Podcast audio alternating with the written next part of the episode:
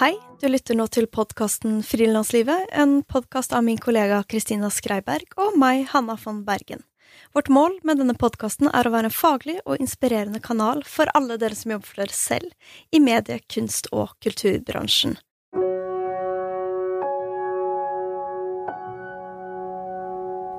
Ukens annonsør, det er Frilansfinans. Hvis du som frilanser har behov av å fakturere en kunde, men du ikke har et eget firma, så kan dette være løsningen for deg.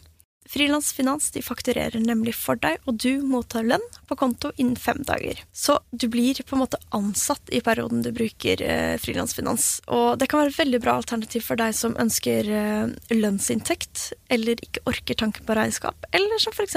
har frilansing som en sideinntekt. Gå inn på frilansfinans.no. Lag deg en konto i dag.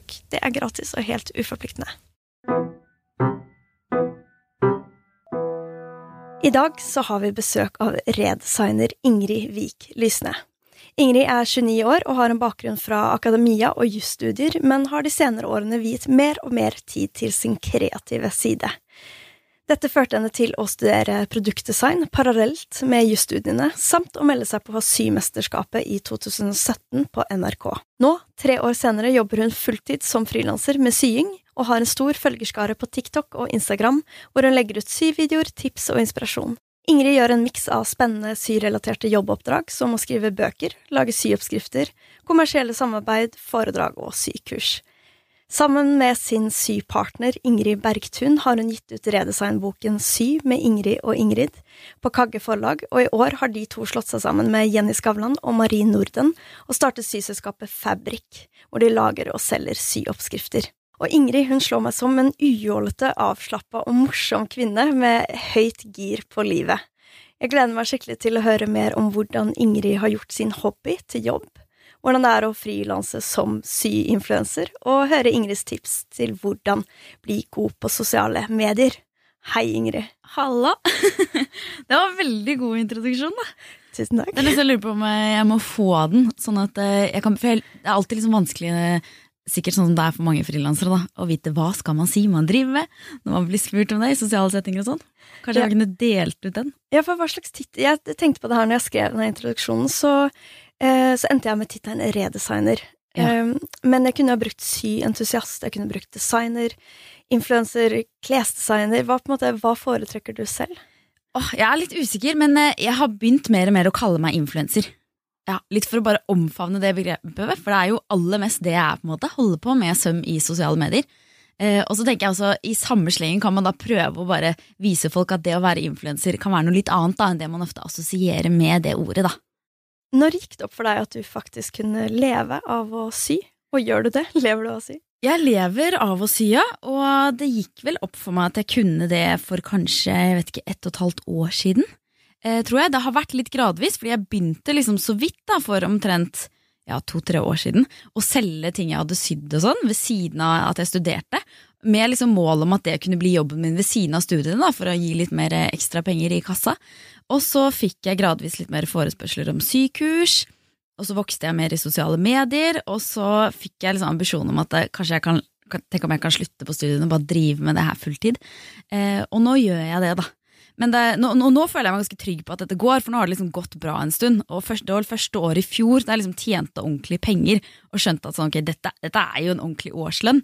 Så etter det nå så føler jeg meg trygg på at det er dette som er jobben min, det er dette jeg driver med. Men det har vært en gradvis prosess, litt sånn fra eh, faktura til faktura, liksom. Jeg bare håpet at det skulle komme, eh, komme et neste oppdrag, eh, sånn at jeg visste at jeg kunne leve av det. Fordi eh, så fort jeg ikke kunne leve av det, så måtte jeg på en måte tilbake til studiene. Da. Det var litt sånn avtale med meg selv. Ja, fordi som jeg nevnte i introen, så har du jo tidligere studert juss eh, i mange år, og så har du på en måte parallelt startet på produktdesign. Eh, hvor i løypa er du med de ulike parallelle løpene i ditt liv? Ah, det er jo helt håpløst egentlig når man sier det høyt, men det er, jeg har gått eh, fire og et halvt av fem år på husen. Nesten der. Ja, eller jeg har vel ett år igjen da, teknisk sett. Ja, ett år igjen på husen, og så har jeg ett år igjen på produktdesign. Så jeg har jo stoppa liksom helt i oppløpet på begge utdannelsene, da. Um, så egentlig, jeg er veldig komfortabel med det. Hele tiden, bortsett fra Norstat ringte meg her i forgårs og skulle gjøre sånn eh, reise, dine, reise, hverdagsreiser-undersøkelse.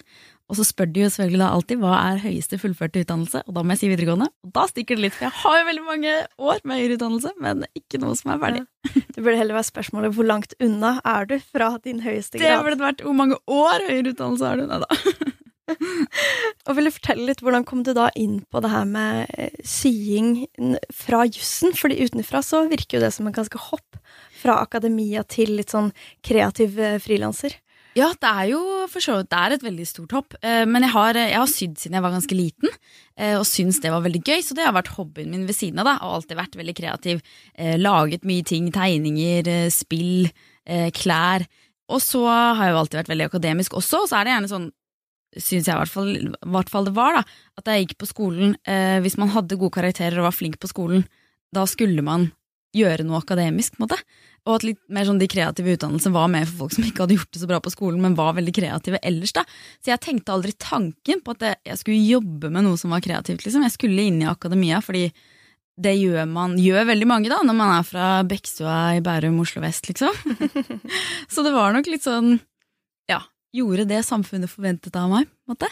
Og så bare plutselig i løpet av jusstudiene, etter at jeg hadde hatt et år og jobbet for JURK, juridisk rådgivning for kvinner, Eh, så skulle jeg da tilbake til skolebenken. Og så, nei, Det var som en sånn kraft som bare kom jeg vet ikke, utenfra eller innenfra. Og jeg bare fikk en så sterk magefølelse på at eh, jeg skal drive med noe annet. Jeg skal ikke gjøre det her.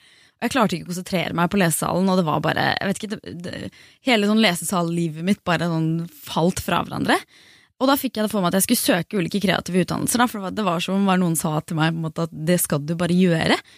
Eh, og så fikk jeg en del eh, ja, spørrende blikk fra venner. Eh, familien min trodde kanskje det hadde tørna litt for meg, for de skjønte ikke hvor det her kom fra. Og så søkte jeg på forskjellige utdannelser, omtrent det meste som jeg kunne finne i Oslo, og så kom jeg inn da på produktdesign på, på Oslo Met. Og begynte der, og mens jeg begynte der, så søkte Symesterskapet på NRK eh, deltakere. Og jeg meldte meg på der og kom med. Og så var det egentlig etter det at jeg bare kjente sånn at dette var så gøy. Dette har jeg lyst til å bruke for alt det er verdt på en eller annen måte. Så da, eh, den sommeren før det skulle gå på TV, så begynte jeg å sy og selge bluser som jeg hadde laget av broderte duker. Og det var egentlig starten på sykarrieren, da. Jeg tror mange kan kjenne seg igjen i det å ha noe man syns er skikkelig gøy, og så tenker man åh, tenk så fantastisk det hadde vært å kunne leve av det her og drevet med det her mere, men så er det en barriere å kanskje ta det steget, eller, eller det er litt ullent hvordan man skal komme seg dit. Hva i deg har gjort at du klarte å liksom bevege deg inn på et helt nytt spor? Altså For meg så var det bare sånn kraft som sa meg at jeg skulle, jeg skulle prøve å drive med noe annet, og se om det gikk. Og så tror jeg sånn Altså Jeg husker følelsen da jeg satt der og søkte på disse studiene. Jeg tenkte hva skal jeg drive med? Og så vet jeg, jeg er veldig interessert i klær, liker å lage klær. Og jeg googlet masse sånn How to become a fashion designer. Hvordan være klesdesigner i Norge. Alt mulig sånn. Fant jo ingen svar, ikke sant? Og det er jo fortsatt sånn nå eh, Altså Jeg bare tenker, jeg kan ikke gi eh, folk historien av hva som skjedde med meg, og si at det er veien å gå. Fordi det har ikke vært noe planlagt løp. Det har liksom skjedd litt sten for sten. da. Og sånn tror jeg det er litt for mange hvis man skal eh, gjøre hobbyen sin til jobb, eh, at det er kanskje lurt å ikke planlegge det så veldig akkurat hvordan det skal se ut. da. Men begynn i det små, for eksempel sånn som jeg begynte med å selge disse blusene eh, på Tice. Og så ballet det på en måte på seg derfra.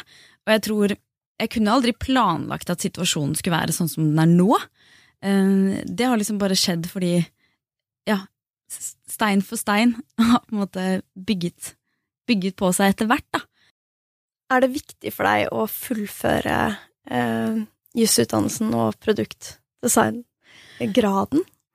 Produktdesignen har jeg lagt eh, helt på hylla. Den tenker jeg den trenger jeg ikke gjøre ferdig. Jussen der er jeg så nærme, og jeg har brukt så mange år. Og jeg tenker det er en trygg utdannelse å ha i bunn.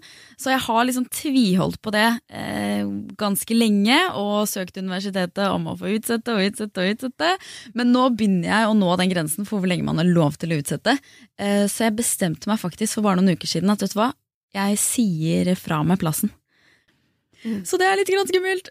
og det er jo litt kult, fordi det du er i nå, eh, der er det jo så mye som skjer. Og da tenker jeg også at det høres ut som en, en bra øvelse, å tørre å liksom være i der du er. Ja, jeg tror også det. Og nå er det så masse som skjer. Akkurat gitt ut bok som går veldig bra, og vi har startet Fabrik, sånn som du snakket om, som også går veldig bra. Og når man er influenser og jobber eh, sånn som jeg gjør, så kan man ikke, man kan ikke ta pause et år og komme tilbake igjen. Eh, og det måtte jeg ha gjort da, hvis jeg skulle gjort, gjort ferdig den jusen. Og jeg tror, eller nå sier jeg kan ikke, jeg vet ikke, men det føles som at dette er på en måte noe Du må være liksom våken, du må være med hele tiden. Det er ikke noe, det, dette livet er ikke noe som venter på meg igjen hvis jeg tar pause et helt år. da. Eh, så det føles rett og slett viktigere å gjøre det nå. Og om jeg kommer til å angre på det senere, det får tiden vise. Men eh, da er jeg sikkert på et annet sted i livet og har noe annet jeg kan drive med. Mm. Det er en veldig deilig holdning, synes jeg, til livet. ja.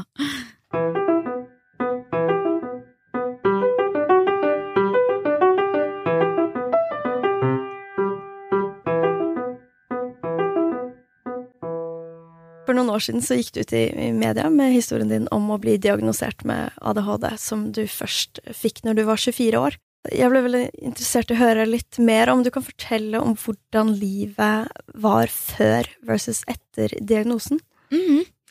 Jeg fikk jo diagnosen da i voksen alder, og da hadde jeg jo egentlig alltid hatt følelsen at det var noe annerledes for meg, at hjernen min fungerte litt annerledes enn andre. Jeg følte meg som liksom annerledes, bare. Og hadde, ja, altså Foranledningen var jo egentlig at eh, jeg hadde gått skikkelig på veggen, blitt eh, ordentlig utbrent. Og så skulle jeg prøve å komme meg fra det igjen, da.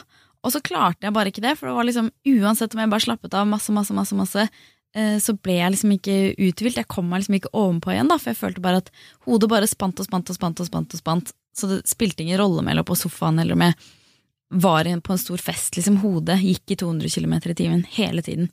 Uansett, da. Så jeg syns jo livet var veldig slitsomt. Alltid syns at livet var veldig slitsomt. Eh, men har aldri merket at jeg har hatt noen konsentrasjonsproblemer. For jeg har jo alltid klart meg godt på skolen. Eh, og det er litt den stereotypiske um, synet man har på folk med ADHD. da, At de ikke klarer seg så godt på skolen, eller er mennesker som er irriterende, veldig impulsive, avbryter andre hele tiden. Jeg har liksom aldri vært sånn. da så var det sånn, Da jeg gikk på ungdomsskolen, så leste jeg noe om ADHD i et eh, blad. Og så kjente jeg meg så utrolig igjen da, i de symptombeskrivelsene. Av å liksom være konstant urolig, da, særlig. Så jeg sa til mamma og pappa sånn, vet du hva, jeg tror kanskje jeg har ADHD. Eh, og de var litt sånn Du ADHD? Du som er så flink og snill og stille og grei, liksom. Det trodde de ikke, da. Så jeg slo det jo helt fra meg, jeg også. Um, og da jeg fikk, gikk på den skikkelige smellen, da da jeg var sånn 23-24 år, og ble, var bare helt utslitt og begynte å få angst, og sånn som jeg aldri egentlig hadde slitt noe med før, uh, så begynte jeg å gå til en psykolog.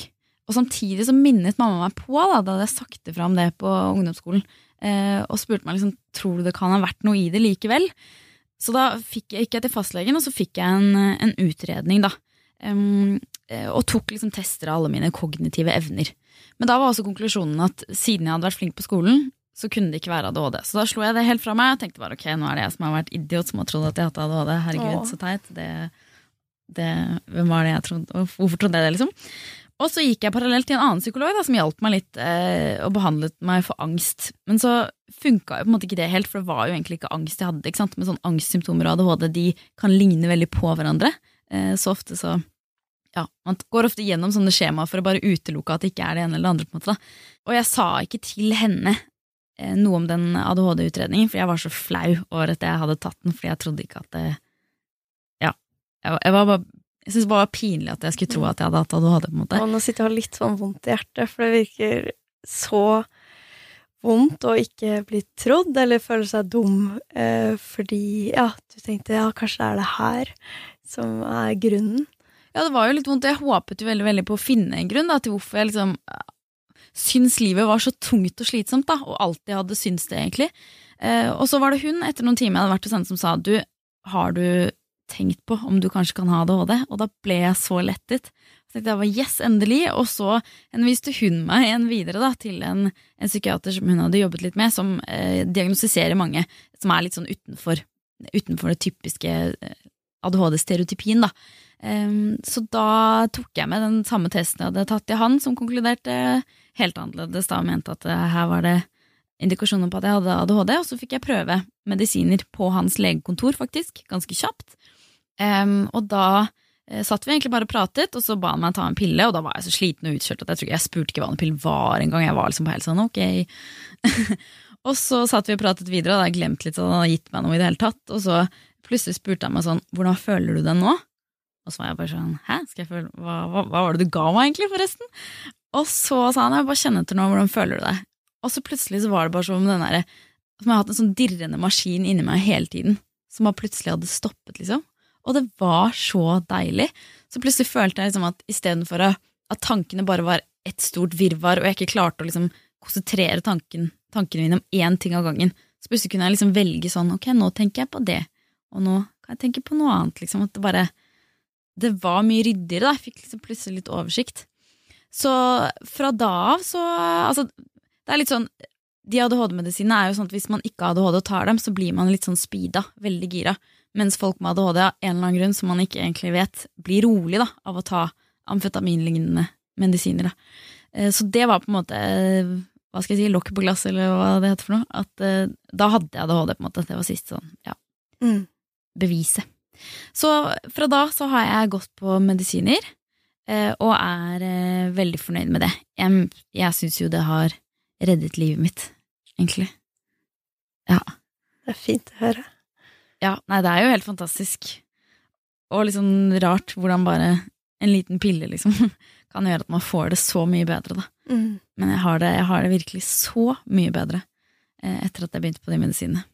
Så da, da endevendt livet mitt. For meg er det sånn før og etter, liksom. Mm. Største milepælen i livet. Ja, for vil du beskrive litt mer? Du sa at uh, når du var 23-24, så ble du skikkelig utbrent og begynte å få angstanfall. Og, uh, hvordan var den perioden å bare uh, Ja, å kjempe så mye imot, da? Nei, det var veldig vondt, men jeg har liksom alltid vært vant til at livet er veldig Livet er hardt og tungt, og du må ta det sammen. Og, um, og det er jo egentlig litt fordi altså, jeg har hatt konsentrasjonsproblemer hele livet uten å vite det. Så jeg har jo trodd at alle andre også syntes det var like tungt å skulle ta seg sammen. Og ja, å være på skolen en lang dag, det er et slit, det, men alle andre tar seg også sammen, så det, det skal jeg òg, liksom. Så jeg har jo bare trodd at livet var like tungt for alle, da. Eh, så jeg har jo kjempet, kjempet mye. en. Vært eh, ja, utrolig streng med meg selv og har hatt kjempeselvdisiplin for å klare å komme meg gjennom, fordi jeg trodde det var det alle andre også gjorde. Og plutselig skjønne da at ja, hvor hardt jeg på en måte har måttet kjempe og få de medisinene som gjør at sånn nå trenger ikke jeg jobbe så hardt for å klare å konsentrere meg lenger, liksom. Det er jo Ja, nei, det er jo bare helt fantastisk, og jeg, jeg er veldig usikker på hvordan det hadde gått, liksom, hvis jeg ikke hadde fått de medisinene. Da Nei, jeg Det er vanskelig å se for seg. Jeg tror jeg hadde hatt det veldig, veldig vondt. Mm. Og du er jo opptatt av å gi ADHD en litt sånn annet ansikt, hvis jeg kan ordlegge meg på den måten. Hvorfor er det viktig for deg? Fordi jeg tror at med ADHD så kommer det veldig mange superkrefter også. Det er veldig mange positive sider med ADHD. Eh, ADHD kan være kjempeslitsomt for de som har det, eh, men veldig mange som har det, er jo også veldig kreative, eksempel. Eh, ofte veldig sånn flinke til å prestere når det gjelder, prestere på en scene, eksempel. Eh, mange med ADHD klarer liksom å hyperfokusere, som det heter. At man blir sånn kjempekonsentrert når man holder på med noe man liker, eksempel. Eller når man ja, skal opp på en scene og si noe, for man vet at det er nå det gjelder. da. Uh, og mange med ADHD er liksom flinke til å tenke litt utenfor boksen. Um, og jeg tror bare det er egenskaper som både de med ADHD, de ja, de med ADHD kan ha mye glede av selv, men også som jeg tenker i arbeidslivet og sånn, som er kjempefine egenskaper da, som jeg tror er veldig fint å ha i en gruppe eller på en arbeidsplass. Og da syns jeg det er veldig synd at ADHD Man trekker som regel bare fram de negative sidene, og man snakker veldig ofte som det som noe som oppleves utenfra, og ikke innenfra den som har ADHD selv. Liksom.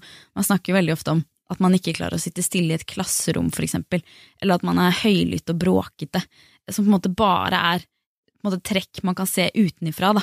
Og jeg tror, jeg tror arbeidslivet og veldig mange går, eh, går glipp av veldig mye da, ved å bare ha liksom, det negative synet på ADHD. Du kommer for eksempel, nå vet jeg ikke akkurat hvordan det er nå, men jeg husker for et par år siden så sjekket jeg eh, om jeg kunne komme inn i militæret, eh, og det kan jeg ikke da fordi jeg hadde ADHD, for eksempel. Og det kom også nye regler for noen år siden at, det, at man i utgangspunktet ikke kan få førerkort når man har ADHD. Man må ha egen godkjenning fra fastlegen sånn, for å få lov til det. Og det synes jeg bare, jeg synes det er så utrolig misforstått. da. Og jeg er helt sikker på at Forsvaret, for eksempel, folk med ADHD, som bare er gode på å prestere når det gjelder, jeg er helt sikker på at det kunne vært helt fantastisk i Forsvaret. Og så trekker man liksom bare fram det negative, da. Og det tror jeg er dumt for alle parter. Yeah. Og i forhold til det å drive for seg selv, og det å ha ADHD.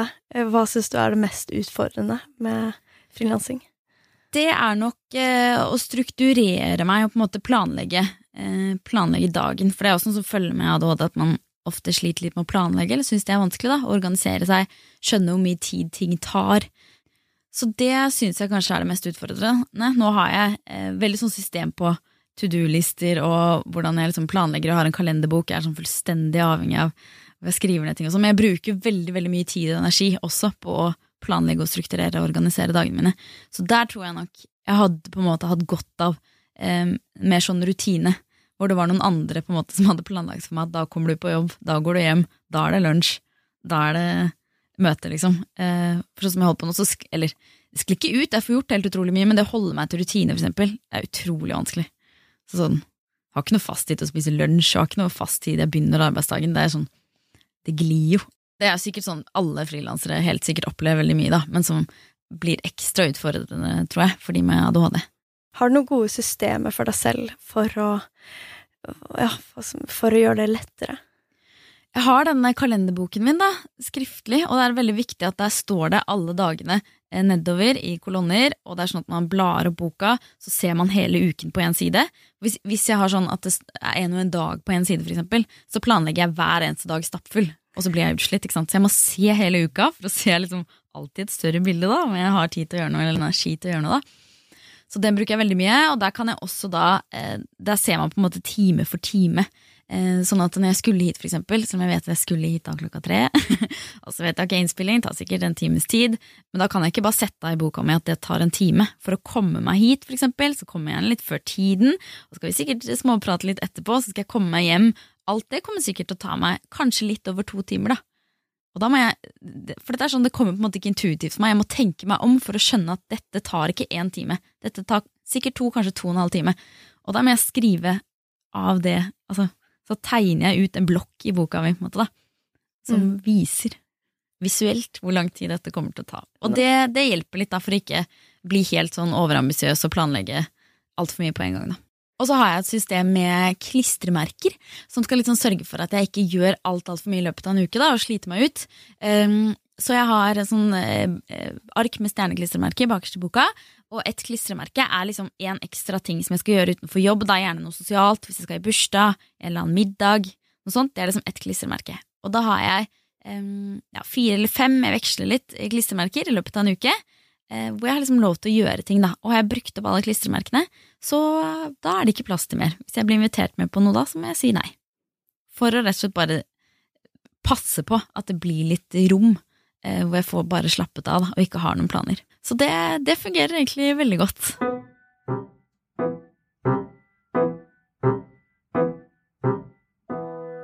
Og det, som du sa i stad, så er det det her med sosiale medier og med det å være influenser krever veldig sånn at du er på. Mm. Det er mye som skjer, og det er det å gripe muligheten og liksom løpe med løpe med alt som skjer, da, ha flyt. Mm. Eh, hvordan balanserer du ut det med å slappe av og ta vare på deg selv, ta vare på de rundt? Jeg syns jeg er litt vanskelig, men det er liksom om å gjøre å prøve å ikke bli sugd altfor hardt inn, da, tror jeg, i det sosiale medieuniverset. Og de sosiale mediene er jo, er jo designet for at vi skal bli helt avhengig av dem, enten du er influenser eller ikke, liksom. Så er man jo, når man har lagt ut noe, så får man jo veldig lyst til å gå inn og se på det innlegget, man refresher se om man har fått noen nye likes, ikke sant. Og det er helt forferdelig når man kan sitte noen ganger og bare være så avhengig at jeg sitter og refresher sånn hele tiden for å se hvor, hvor fort kommer likesene inn, liksom.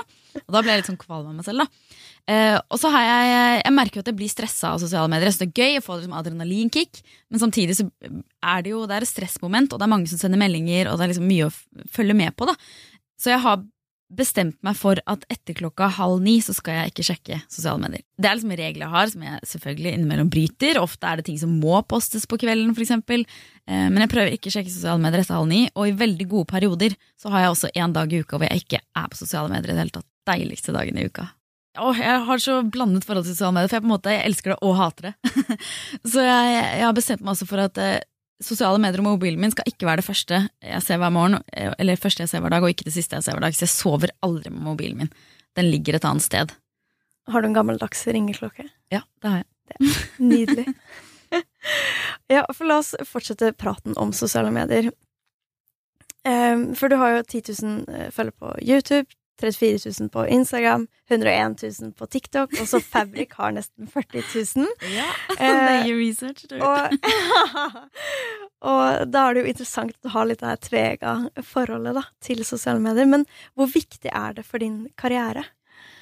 Det betyr jo egentlig alt. Det er jo grunnsteinen egentlig i min karriere. Det er sosiale medier som har gjort at jeg har fått de jobbene jeg har fått. Som begynte med forespørsler om sykurs fordi folk, eh, noen, eller en dame i Asker kommune som jobber med ungdom, så at jeg la ut eh, syvideoer og syinspirasjon i sosiale medier og lurte på om jeg ville komme og holde et kurs. Da. Det var liksom det første oppdraget jeg fikk.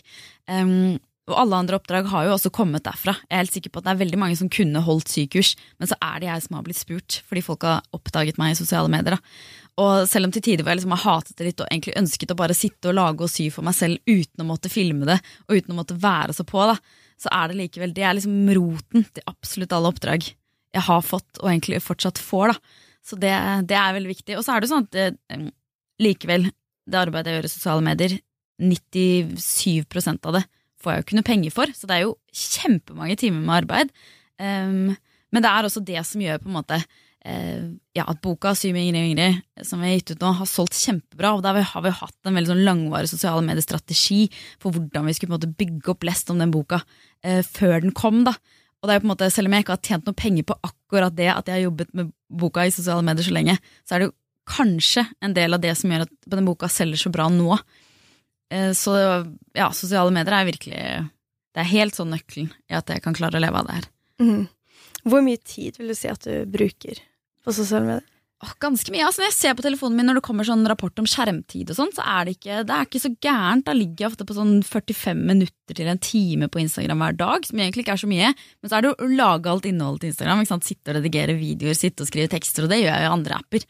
Um, så jeg vet ikke hva jeg bruker på sosiale medier og lage innhold og sånn. Altså, det er jo nesten bare det jeg gjør, da. Så jeg bruker sikkert fem timer på det hver dag, vil jeg tro. Ja, noe sånt. For det er så mye som ligger bak det innholdet òg. Det er jo liksom masse jobb.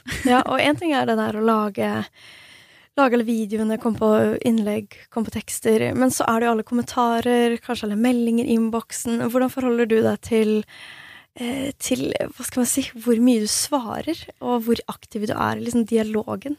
Jeg har jo veldig ønsket fra start da, å være veldig aktiv, både fordi jeg er så ydmyk over at folk bruker liksom, tid og energi og oppmerksomheten sin på det jeg gjør, og har lyst til å altså, kommentere og være med og engasjere seg i det innholdet. Da. Så jeg føler vel at jeg skylder alle å liksom svare minst like hyggelig som det de har sendt til meg. da. Mm. Og så innså jeg for noen måneder siden at jeg blir jo helt spist opp hvis jeg skal tenke at jeg skal engasjere meg og svare absolutt alle med like mye engasjement som de eh, sender meldinger til meg. da. Så nå, lenger, nå, klarer jeg ikke lenger å svare på alt. Eh, men jeg, har prøvd å liksom luke ut litt. Jeg får jo en del sånn syspørsmål, sånn generelle syspørsmål. Eh, hva skal jeg gjøre med den her, eller symaskinen min, der krøller undertråden seg, hva skal jeg gjøre, sånn. Så jeg har prøvd å tenke at jeg kan ikke være noen sånn gratis rådgivningstjeneste for folk som har problemer med søvn. så de har bestemt meg for at de svarer jeg ikke på. Men alt mulig som på en måte har med Eh, ja, har de kjøpt en oppskrift fra meg, for eksempel, eller på en måte eh, Ja, så, skylder jeg jo folk å, stille opp og være litt kundeservice, liksom. Mm. Så jeg, jeg, svarer en del. I din mening, hva er viktig for å litt sånn i anførselstegn lykkes med sosiale medier? Hva har du lært av å drive såpass mye med det her? Åh, der. Jeg skulle så ønske at det gikk an å gi sånn en suksessoppskrift. Sånn, gjør sånn og sånn og sånn, og sånn, og du vil lykkes i sosiale medier. Um, det er en del ting man kan gjøre, og så tror jeg det er mye X-faktor. Noen, det er jo sånn På sosiale medier innimellom så ser jeg kontoer som jeg syns altså, Her er det lagt ned så mye arbeid, det er så inspirerende, lager så fine ting, strikkekontoer eller sykontoer eller hva det er, og så har de på en måte ikke det følgertallet som jeg syns de fortjener. da. Og tror jeg bare Noen ganger så er det sånn, noen personer blir man bare nysgjerrig på, andre ikke, liksom. Eh, så det tror jeg på en måte er en ting som man ikke kan gjøre så mye med. da. Eh, ellers så tror jeg eh, Altså det å være seg selv og ikke prøve å kopiere andre, tror jeg er en veldig god idé, fordi vi oversvømmes med inntrykk og eh, folk som eh, krangler om oppmerksomheten vår i sosiale medier. Og jeg tror veldig mange eh, ser dette gjennom hvis ikke det er på en måte genuint og du har ment og det er litt personlig, liksom. Det tror jeg kanskje er en nøkkel. Og så tror jeg altså det å faktisk bruke tid på å svare på kommentarer og være ydmyk over at folk gidder å engasjere seg i innholdet sitt, det tror jeg faktisk er veldig veldig viktig. Fordi at eh, Når noen føler at de liksom får være med på noe, eller føler at de er en venn, eller liksom, ja, føle at de er en del av klubben, liksom. eh, så får man så mye mer igjen. da. Så det å faktisk bruke tid på å svare følgerne sine og spørre dem hva de syns om ting, eh, og sånt, det tror jeg er, er veldig viktig. Så man Mm. liksom skaper seg en litt sånn ja, en god gjeng da, som man føler man kjenner litt, liksom. Ja, Koselig digitalt fellesskap. Mm. Eh, og nå når du og Ingrid har gitt ut eh, boken deres, Mm. hvordan har liksom den strategien eh, sett ut?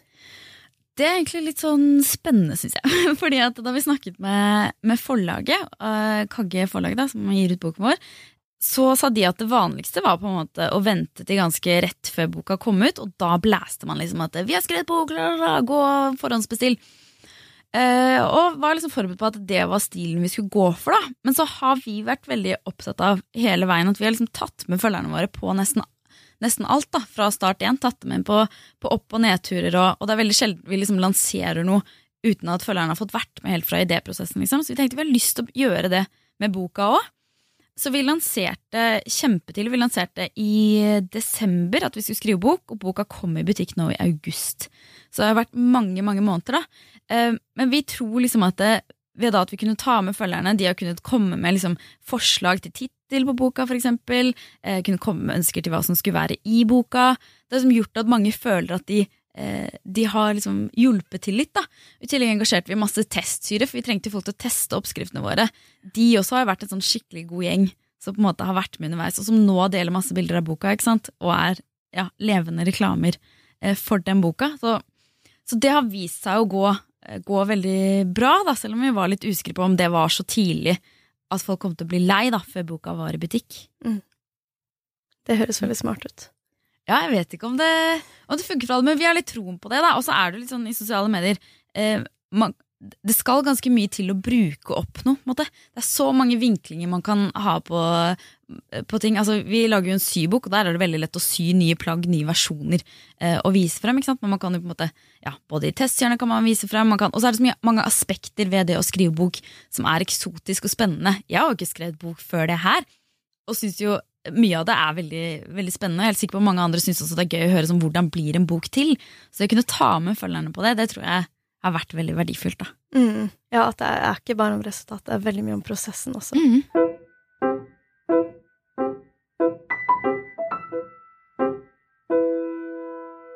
Eh, Nå blir vi litt nerdete, men jeg håper at eh, dere som lytter også syns det her eh, er relevant, siden de fleste av oss som frilanser med et eller annet kreativt forholder oss ganske mye til sosiale medier.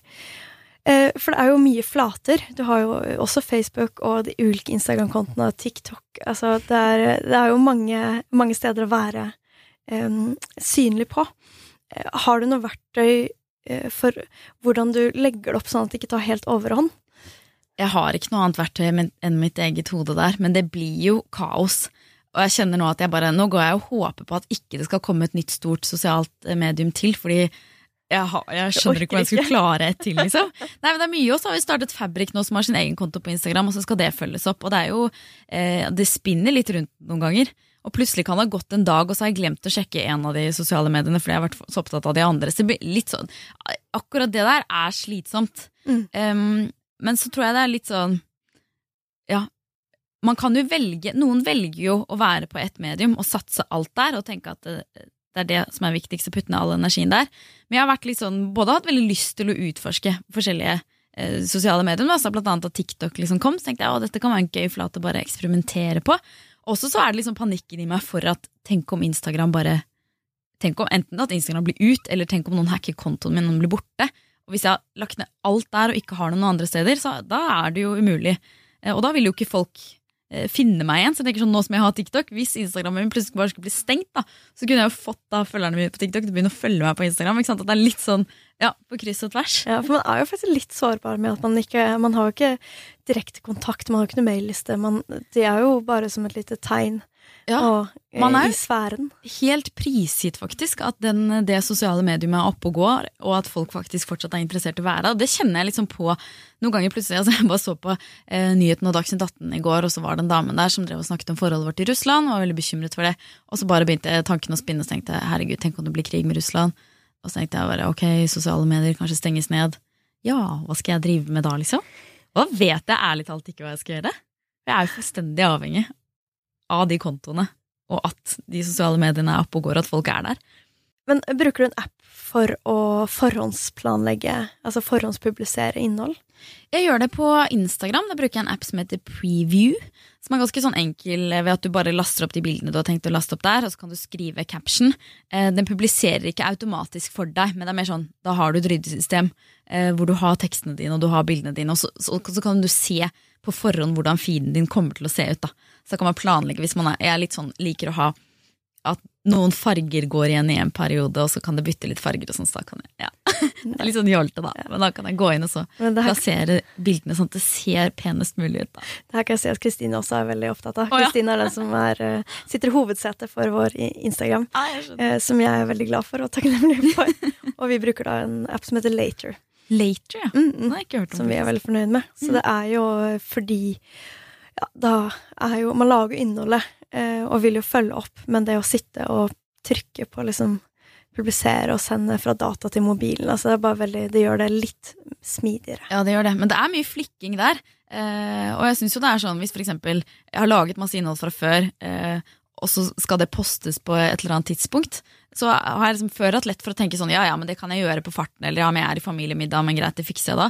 Men nå, jeg vet ikke når det er så mange, sånn som i dag for eksempel, da, skal jeg poste, da har jeg hatt et samarbeid med Grønlands Torg, og så har vi laget en YouTube-film, og den skal teases på TikTok og på Instagram og linkes til, og det er diverse artikler det skal linkes til, og det jo, tar jo en times tid bare å sette meg ned og på en måte Ja. Folk er bare sånn Hvor eh, Ingrid gikk på do, hvor ble hun av? Hun ble liksom borte en time fra det her middagsselskapet. Ja, ikke sant? Men da har jeg liksom skjønt mer at sånn, ok, det må faktisk inn i arbeidsdagen. For jeg kan ikke bare sitte og gjøre det under bordet i et middagsselskap. Liksom, fordi det tar masse tid. da, Bare den der flikkingen og ordningen og filer dit og dele opp der. og... Ja, og det er liksom å si med det å kunne være Legge bort mobilen før du legger deg, og før du står opp. Altså at man ja, er til stede i det man gjør, når man gjør det.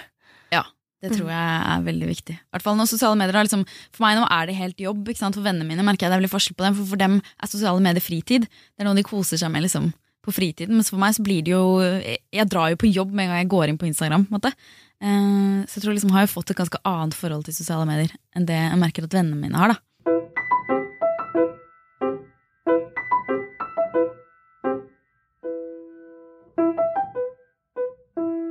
Nylig gitt ut bok eh, sammen med Ingrid Bergtun, samt eh, startet sykonseptet Fabric med Ingrid og Jenny Skavlan og Mari Norden, som jeg nevnte i introduksjonen. Hva gir det deg å kunne jobbe så tett eh, med andre som driver med det samme? Det er helt fantastisk. Nå har jeg de siste par årene jobbet mye alene. Eller jeg og Ingrid Bergtun har samarbeidet ganske mye om forskjellige prosjekter. Men hun har bodd i Stavanger og jeg har bodd i Oslo, så det har vært veldig sånn mye telefonsamarbeid. da.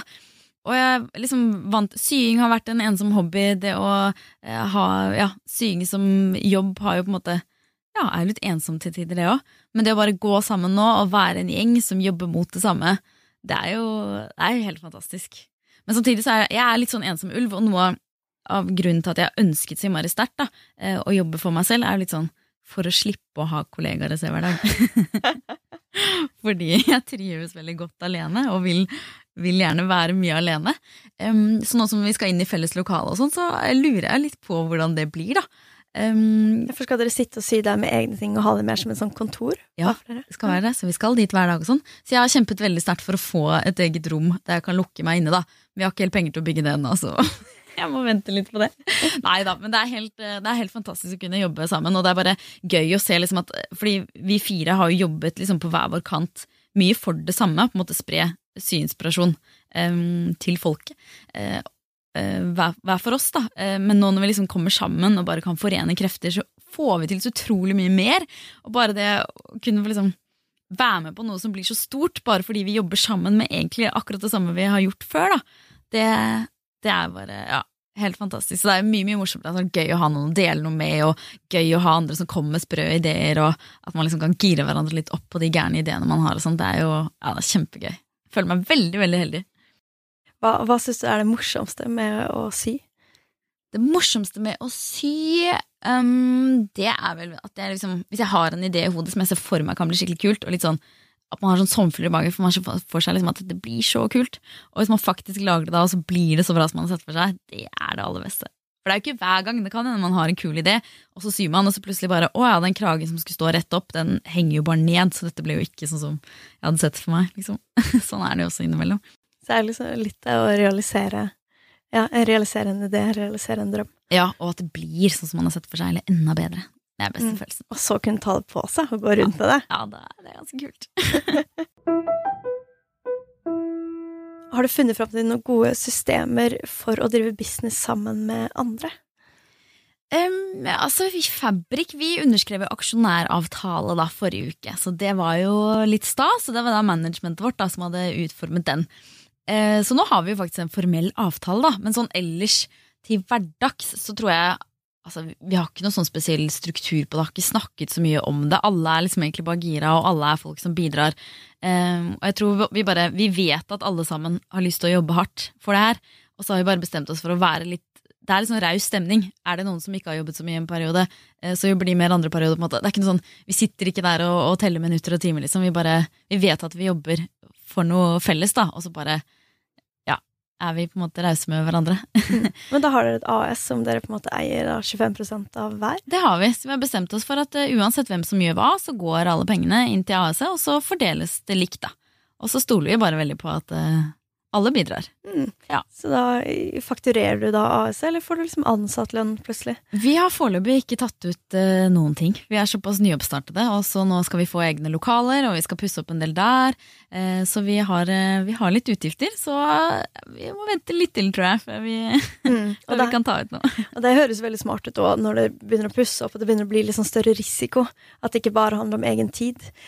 Så virker det veldig smart også å starte et AS, fordi da har man jo litt da, ikke, da henger jo ikke økonomien til selskapet direkte sammen med sin private økonomi. Ja, nei, det er litt deilig, og der er det egentlig eh, Altså, managementet til Jenny Pullman, eh, de har også gått inn eh, som eh, management for Fabrik, da. Så de eier 20 av aksjene, og så eier vi 4-20% hver, da. Så de har liksom tatt på seg egentlig, ja, all den jobben med å gjøre alt det formelle, da.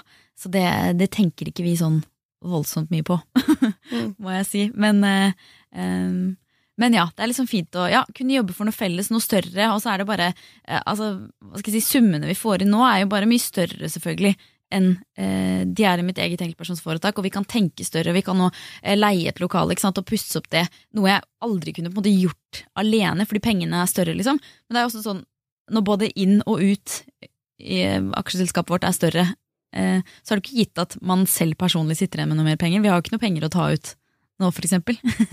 men, eh, men det er liksom gøy å være en del av ja, et større maskineri, da, hvor pengene er større, rett og slett. Mm.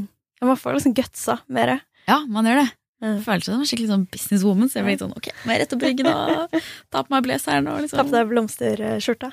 Ja, blomsterskjorta, men med blazer og over, da, så jeg tenker jeg må ja, steppe up gamet litt. Hva, hva er drømmen til Fabrik? Drømmen er jo egentlig å bli et sånt eh, internasjonalt digitalt eh, syunivers. Ja, egentlig. At alle som tenker på søm, de tenker på Fabrik. Eh, og at vi bare skal ja, inspirere folk til å sy, gjerne verden over.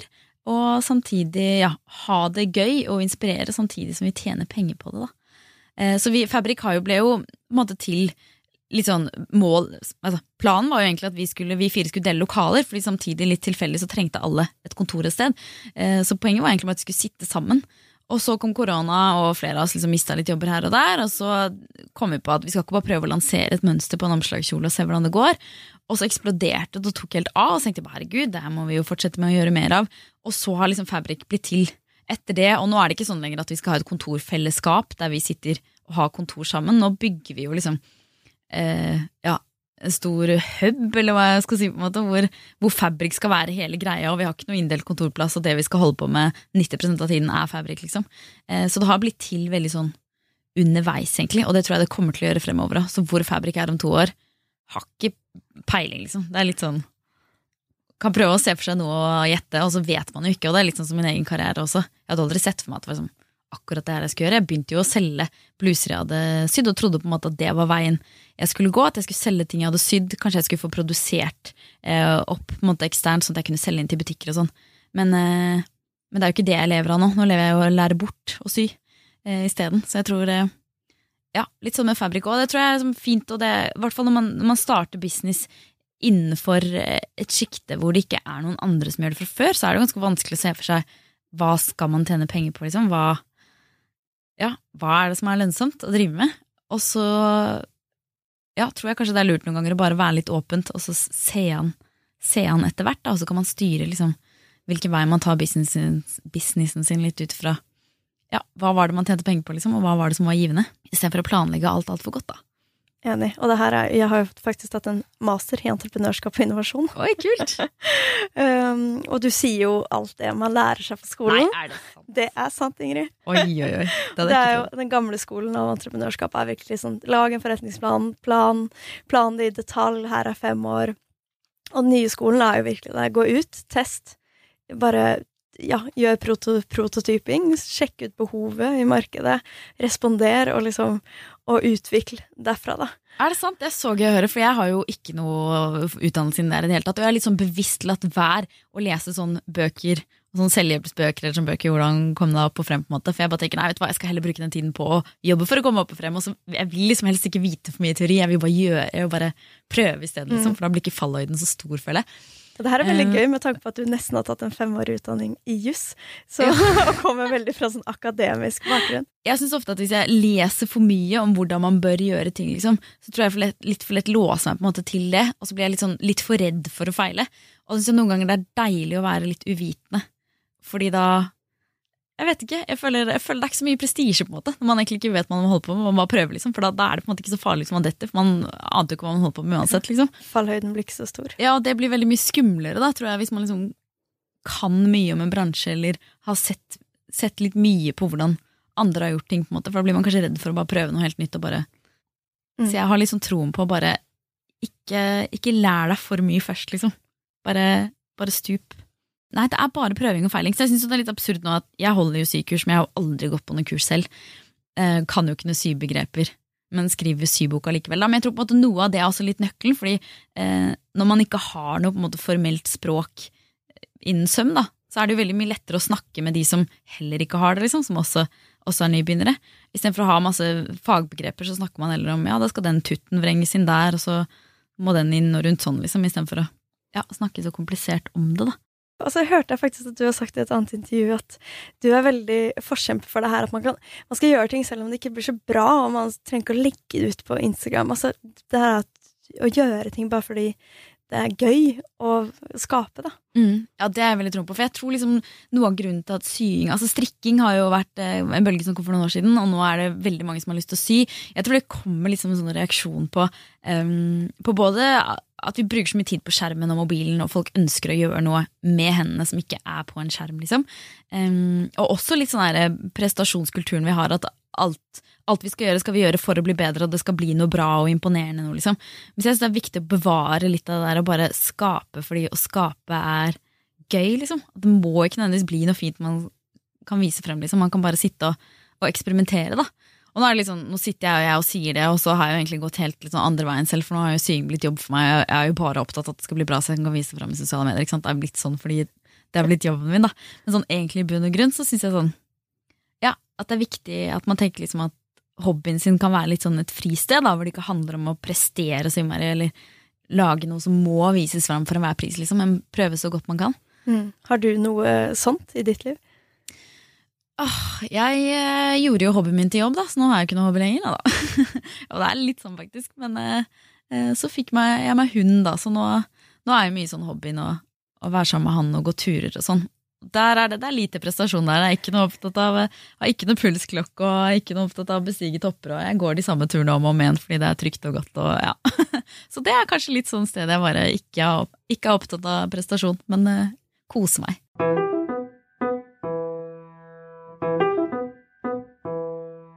For du uh, har en, hva skal man kalle det, du har en slags profil på plan B, uh, som da blir slags management, mm. er det riktig å ja. si?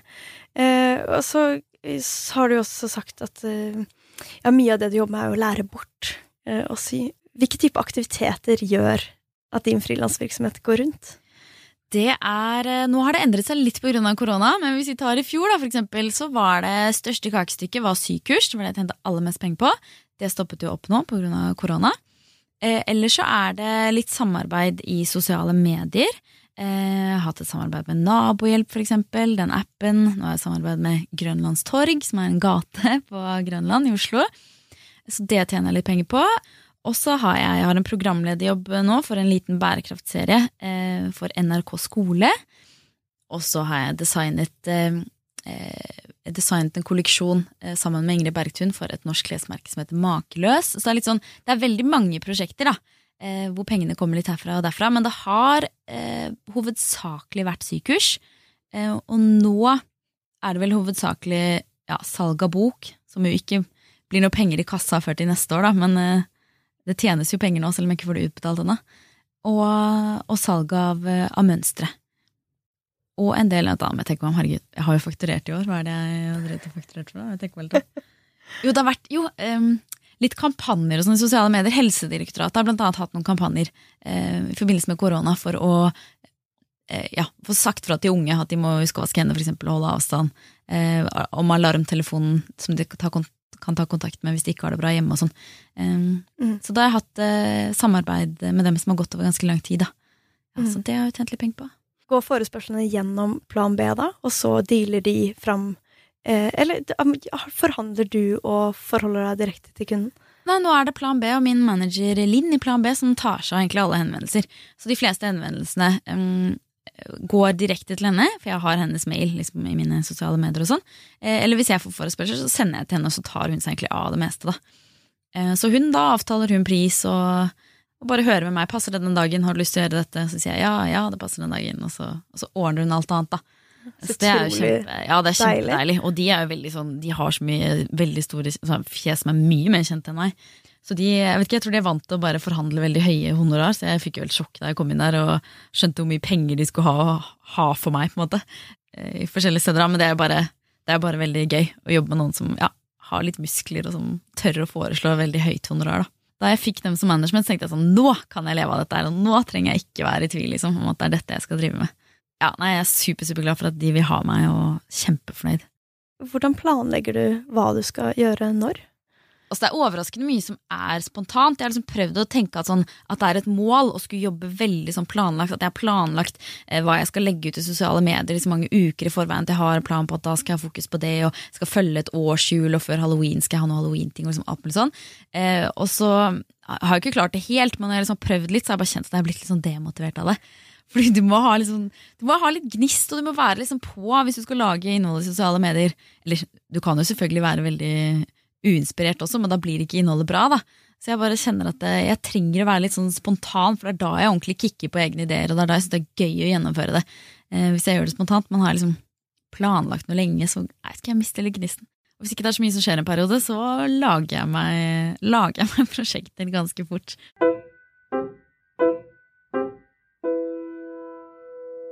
Hvordan er det å holde din første sybok fysisk i hendene? Jeg trodde det skulle være et sånt øyeblikk der jeg begynte å gråte og ble helt skjelven og syntes at det var helt fantastisk. Eh, det var veldig gøy, men jeg fikk ikke den sjelsettende opplevelsen. Altså, for jeg har jo jobba med den boka så lenge og sett den på skjerm og sett alle sidene, så jeg liksom visste jo veldig godt hvordan det kom til å se ut. Eh, det som var mer sånn, det ble veldig glad eh, fordi Eller Rett før jeg skulle se boka, så var jeg liksom redd for å tenke om de har valgt skikkelig stygt papir. Jeg så for meg sånn at coveret var veldig sånn høyglanset, og at papiret var sånn tynt og litt fislete. Eh, så jeg var plutselig veldig sånn redd for å se boka, egentlig.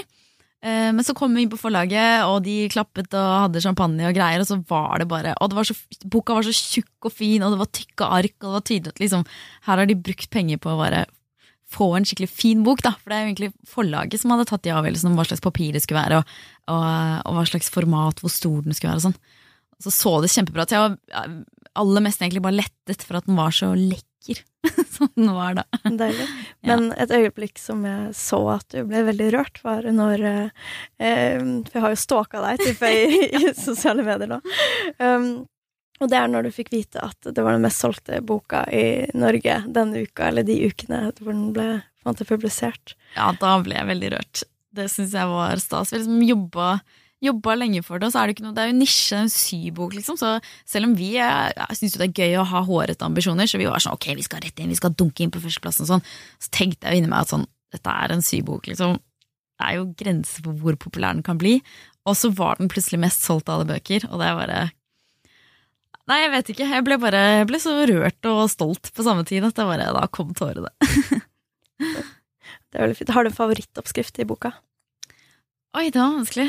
Um, det bytter litt på, men jeg syns uh, jeg har på meg en skjorte i dag som er sydd etter oppskriften i boka, og jeg syns den skjorteoppskriften er veldig veldig fin. For den kan man liksom kan bruke nå har jeg, så, jeg har sydd denne av en brodert duk, så den er jo ja, veldig sånn fin, hvit, blomstrete. Og så kan man også sy den i ullstoff for å liksom lage en jakke. Ja, så jeg syns den er veldig allsidig. Og så er jo den, den oppskriften også unisex, så det syns jeg ja, kanskje min favoritt. Mm. Ja. Den er veldig, veldig fin. Ja, takk. Tusen takk for at du kom hit i dag. Det var veldig hyggelig å slå en prat med deg. Tusen takk for meg. Det har vært superhyggelig å være her. Neste uke, i episode 90, så kommer vi til å intervjue Anne-Britt Gran. Anne-Britt Gran er kulturforsker, og vi skal prate om hvordan står det til med kulturbransjen nå om dagen. Hva sier forskningen, og hva er Annes tanker om fremtiden for Kultur-Norge? Så sjekk det ut neste torsdag morgen når vi kommer med episode 90. Vi vil gjerne takke Kulturrådet for støtten vi har fått til å lage denne podkasten.